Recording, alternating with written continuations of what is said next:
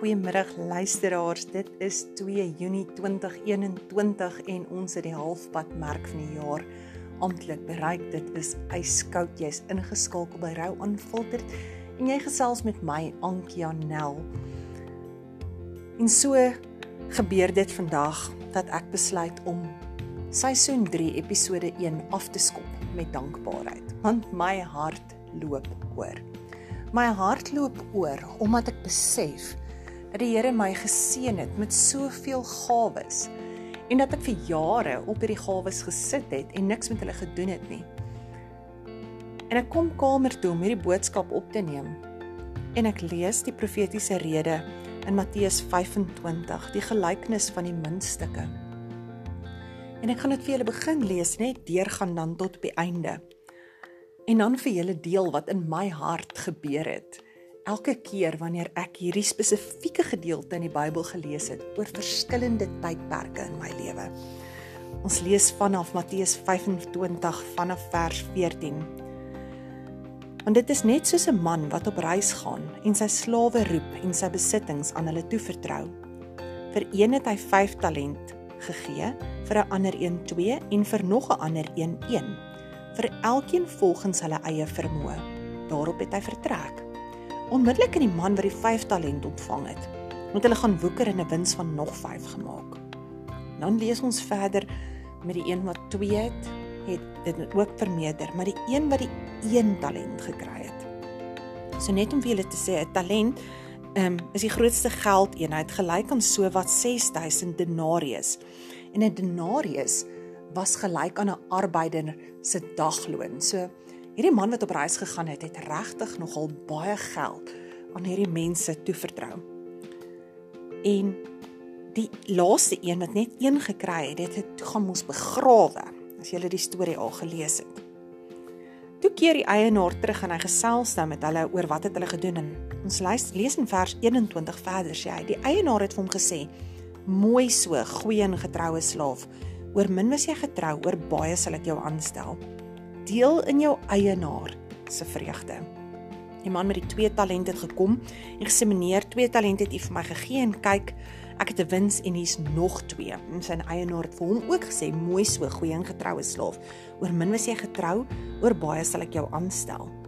En dan lees ons in vers 25 Matteus 25 vers 25 van die derde slaaf het gesê omdat ek bang was, het ek die talent in die grond gaan wegsteek. Hier is wat aan u behoort. O en die eienaar was baie kwaad. En hy het hom gesê as jy dit maar eerder by 'n bankier gaan bære het, dan het ek dit ten minste met rente teruggekry. Maar nou het jy dit in die grond gaan sit.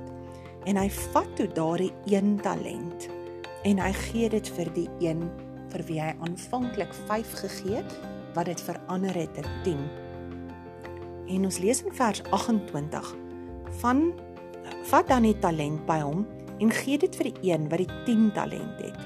Want aan elkeen wat het, sal gegee word en hy sal oorvloed hê.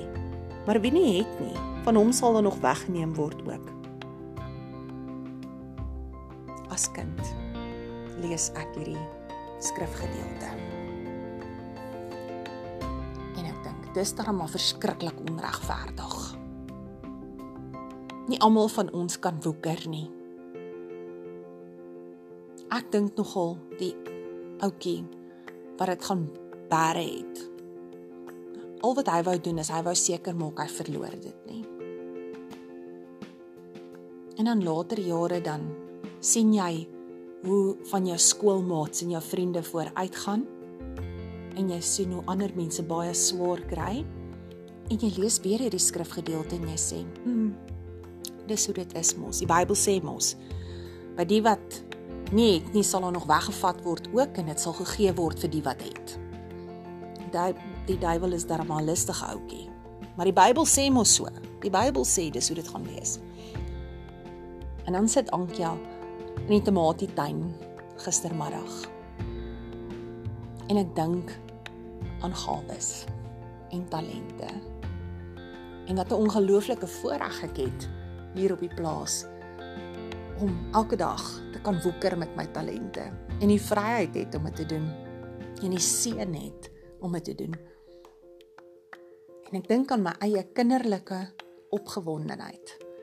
Elke keer as ek iets nuuts aanpak waaroor ek gedroom het of gehoop het en dit is suksesvol en ek kan in daai oomblik wanneer ek so opgewonde is daaroor sê dankie Here dat U my geleer het om dit te doen.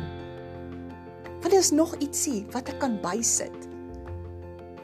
Saterdag aand het ons gaste op die plaas gehad en ons sing. En in 'n stadium stap ek so eentjie weg en ek sê dankie Here dat ek kan sing. Dankie dat ek nie skaam is om voor mense my stem te gebruik nie. En ek wil vir jou vra vandag oor dankbaarheid hier aan die einde van 'n Woensdag, die 2de Junie. Waarvoor sê jy nou pad huis toe vir die Here dankie? Watse talente het jy vandag gebruik?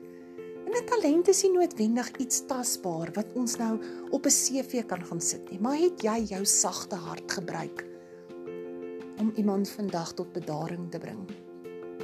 Het jy jou vriendelike glimlag gebruik om iemand wat hartseer is se dag 'n bietjie op te helder?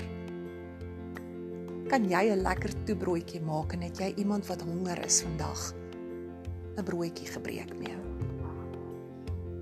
Is jy iemand wat goed kan skoonmaak of kan organiseer? Is jy iemand wat kan vrede bring? Of wat wat se talent het die Here vir jou gegee om vandag te kon gebruik? Waarvoor jy vandag vir hom kan sê dankie Here dat U dit spesiaal aan my toe vertrou het en dat U gedink het ek is goed genoeg en het geweet ek gaan daarmee woeker en ek gaan iets daarmee doen. Dis so 'n voorreg om dankbaar te kan wees. So voorreg om te kan lees dat hy sê deel in jou eienaar se vreugde want ek glo God verheug hom in die gawes wat hy vir ons gegee het. En ons iets daarmee doen vir iemand anders. So ons kom en ons sê sommer net dankie Here dat U ons geseën het met soveel gawes en talente. Dat U ons kan opgewonde maak oor klein dingetjies en dat dit vreugde in ons harte kan stig. Dat ons op hierdie Woensdag in die middel van die week vir U kan sê dankie, dankie, dankie. Dankie vir dit wat U vir my doen. Dankie dat U my geseën het met hierdie gawe. Al is dit in my oë so klein. Dankie Here dat U my gebruik om groot dinge daarmee te doen. Dankie dat ek vanaand 'n warm bord kos op die tafel kan sit. Dankie Here dat my man 'n werk het sodat hy ons behoeftes kan voorsien. Dankie Here dat ek my kinders se nasorg kon sit en hulle kon leer dat ons nie vanaand hoef huiswerk te doen nie. Dankie vir die nasorg, juffrou. Dankie vir die vriendelike petrol joggie. Dankie vir my motor en die vermoë om brandstof te kon ingooi. Dankie Here dat ek na radio kan luister en saam kan sing. Dankie Here dat ek vrylik met U kan praat. Dat daar geen vervolging nog in ons land is nie. Dat ons kan bid waar ons wil. Dat ek met U kan praat in die tuin, in die kombuis, in die badkamer, in die kamer, in die veld, langs die see. Dankie, dankie, dankie. Vandag Here, sê ek dankie vir dit wat U vir my gegee het. Dankie dat ek my talente kan gebruik om U trots te maak.